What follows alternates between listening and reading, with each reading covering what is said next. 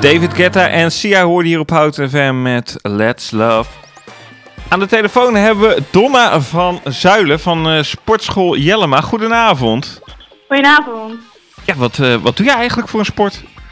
Ik doe uh, kickboksen. En doe je dat al lang? Um, ik denk nu drie jaartjes, dus nog niet extreem lang. En wat maakt kickboksen voor jou zo leuk dan?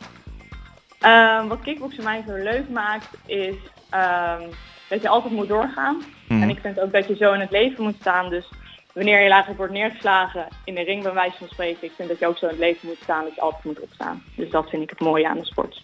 Is, is kickboksen niet een beetje een mannensport? Nee, zeker ja. Er zijn wel veel mannen, mm -hmm. maar uh, het is nu ook upcoming voor vrouwen. Merk, merk je dat veel vrouwen het doen of ben je nog, uh, nog een uitzondering? Uh, nou, er komen wel steeds meer vrouwen. Dus, uh, en dat hoop ik ook, dat er steeds meer vrouwen, want dan krijg je ook steeds meer tegenstanders. Dat zou, dat zou wel leuk zijn. Ja, want je doet, uh, doet het ook op wedstrijdniveau? Ja, klopt, ja. En ja, heb je dan veel, veel concurrenties of zit je altijd wel een beetje met dezelfde in de, in, nou, in ik de heb zelf nu um, drie partijen gedraaid. Mm -hmm. um, dus dan zit je nog inderdaad nieuwelingklasse. Uh, maar het is wel zo, bij mannen heb je natuurlijk veel meer competitie. Dus als vrouw kom je wel sneller hoger op. Oké. Okay. En, en in welke range zit jij dan? Ik zit nu een nieuweling. Mm -hmm. Maar ik wil natuurlijk uiteindelijk voor de A-klasse gaan draaien. Dus uh, daar gaan we voor trainen. En, en hoe werkt het dan? Werkt dat niet gewoon op leeftijd? Als je een bepaalde leeftijd bent, groei je door naar die klasse? Of, uh... Uh, nee, je kan eigenlijk ook als je 18 bent, kan je ook tegenover iemand staan van 32. Dus dat maakt niet zoveel uit. Het is eigenlijk vooral dat je kijkt naar gewichtsklasses. Oké. Okay. En daar word je op, uh, op ingedeeld? Ja, op gewichtsklasse, ja. En, en inderdaad, hoeveel, hoeveel partijen je natuurlijk hebt gedraaid daar ook op. Ja, dat is een beetje een onbe onbeleefde vraag misschien, maar wat, wat is je gewicht dan? Mijn gewicht is 68 kilo. Oké. Okay. En is dat, is dat veel of weinig in, die, in, uh, in die klasse? Um, ja, ik heb eerder gevochten inderdaad op 64. Mm -hmm. um, maar ja, ik vind dat ik zelf meer kracht heb op 68 kilo. Um, ja, misschien een beetje aan de zware kant, maar uh, ik voel me hier beter bij. Dus, uh. ik, weet, ik weet dat in, uh, in judo is het altijd hoe zwaarder je weegt, ja, des te, des te beter je vaker bent. Werkt, werkt dat ook bij boksen zo? Nou, ik denk als jij meer weegt, heb je natuurlijk wel meer kracht. Mm -hmm. maar wanneer jij wat lichter bent, ben je wel explosiever en sneller. Dus je kan bij elk ding zijn voordeel en zijn nadeel zien. Oké. Okay. En um, een andere vraag nog, bij, uh, bij Jellema, hebben jullie dan een eigen vrouwenklasje of zo waar jullie sporten? Of? Nee, nee, zeker niet. Ik draai uh, gewoon met de mannen mee. Dus je hebt gewoon je wedstrijdgroep uh, eigenlijk. En daar mm. zitten de mannen en vrouwen in. Dus, Oké, okay, vandaar. Um, en, en, maar we kwamen natuurlijk bij Boes bij de vraag van vandaag uit. Ja. Um, de vraag die binnenkwam is, wat is beter, een duursport of een explosieve sport? Ja, uh, nou, goede vraag. Uh, wat is beter? Ik denk dat je eerst moet gaan kijken wat je sport is mm -hmm. en wat je meer nodig hebt. Dus heb jij meer duur nodig of heb jij meer explosiviteit nodig? Mm -hmm. Dus wat is het hoofddoel van jouw sport?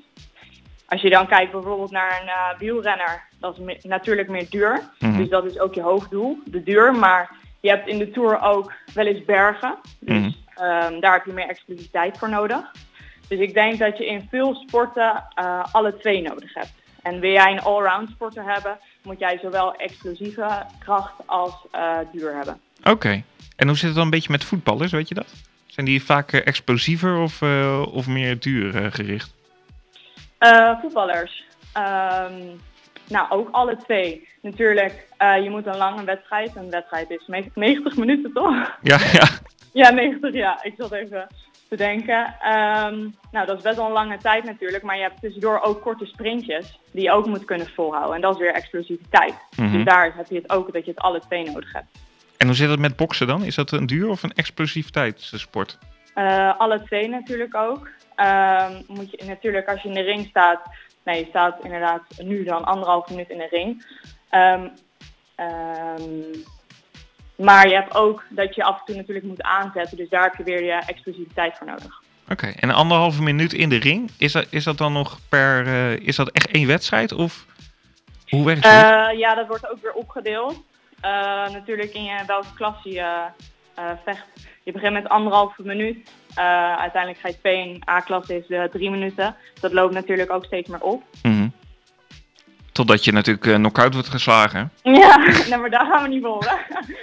En stel, stel dat je uh, een van, uh, stel dat je een flinke duursport aan het doen bent, maar je krijgt de hele tijd spierpijn.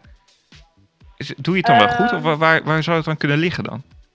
nou ja, met spierpijn is natuurlijk, je maakt kleine scheurtjes in je spieren door overbelasting of ongewone inspanning. die moeten natuurlijk weer herstellen zodat je er sterker op terugkomt. Mm dan ben je natuurlijk wel goed bezig. Maar het kan uh, ook een andere vorm zijn. Het kan, spierpijn kan ook een onderliggende aandoening zijn. Um, dan komen er ook andere klachten bij kijken. Mm. Bijvoorbeeld pijn in het hele lichaam of gevolg van uh, ziekte, medicijnen, infecties.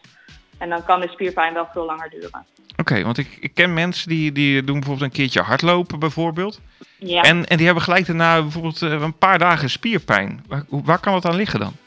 Nou, misschien, dat ze heel, uh, misschien zijn ze wel ongetraind. Als je het natuurlijk nooit doet en je krijgt gelijk een hele intensieve inspanning. Jouw lichaam is dat niet gewend. Mm um, dus dan krijg je inderdaad uh, die spierpijn. Dan gaan natuurlijk die spiertjes kapot en die komen uiteindelijk dan weer beter terug.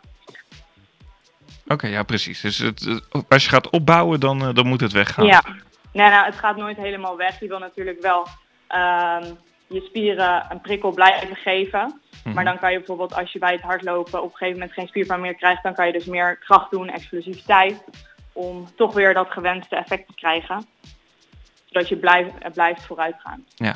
Nu is de coronatijd. Hoe, uh, hoe ziet jouw, uh, jouw schema er uh, qua boksen nu uit? mijn schema qua boksen? Ehm, ja, we kunnen natuurlijk niet sparren nu. Mm -hmm. maar we hebben wel boksaftrainingen. Dus ehm, ik probeer die boksaftrainingen gewoon nog steeds vijf keer in de week te doen.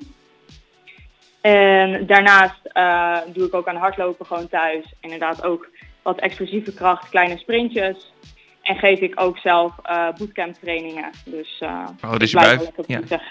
En ben je nu nog van plan om, om zo nog even te gaan trainen? Nee, vandaag niet. Ik heb oh. vanochtend getraind. Dus nou, dat, dat is dan weer jammer, want ik had er eigenlijk ja, ik had er wel even een nummertje voor klaargezet. Ja, wat nummertje had je er klaar voor gezet? Eye of the Tiger natuurlijk. Oh, kijk dan. Dus heb je misschien nu toch nog wel zin om even te gaan sporten? Ja, toch wel een beetje. Nou, dan wens ik je in ieder geval lekker succes nog. Ja, dankjewel. En maak er een mooie avond van. Avond. hey, doei doeg! Dank je, doei doeg!